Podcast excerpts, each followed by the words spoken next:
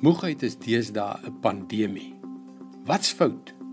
Kry mense nie genoeg slaap nie? Moontlik.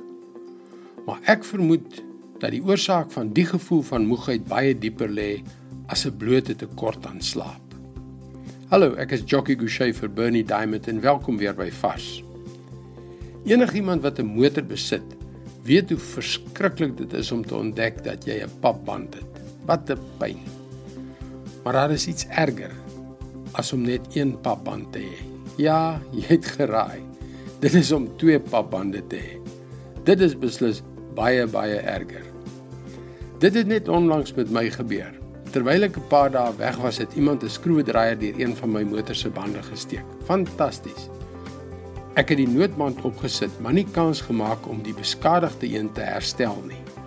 Gister kom my vrou moedeloos uit die motorhuis teruggestap met die aankondiging dat sy nêrens heen kan gaan nie, want 'n tweede band is pap.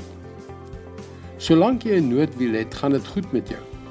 Maar as die noodwiel ook beskadig is, gaan jy nêrens heen nie. En dis hoe baie mense hul lewens leef.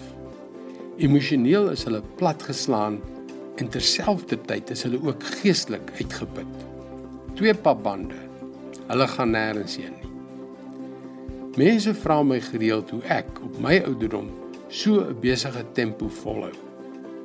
Dit is regtig baie eenvoudig.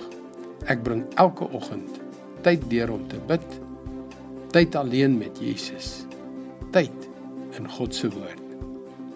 In Jesaja 40 vers 30 en 31 lees ons: Selfs jong manne word moeg en raak afgemat.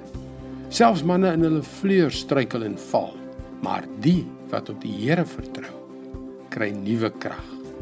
Hulle vlieg met arendsvlerke, hulle hardloop en word nie moeg nie. Hulle loop en raak nie afgemat nie. Wag op die Here. Vernuwe jou krag elke dag. Dit is God se woord, vars vir jou vandag. Jy kan nie die krag wat daar in God se woord is om jou emosioneel aan te moedig en geestelik te voed oorskat nie.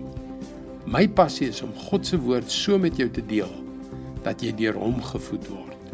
As jy 'n bietjie dieper wil delf, laat ek jou aanmoedig om na ons webwerf varsvandag.co.za te gaan en daar sal jy sien hoe om in te teken op 'n daaglikse boodskap om jou geestelik op te bou. Vrede vir jou. Tot môre.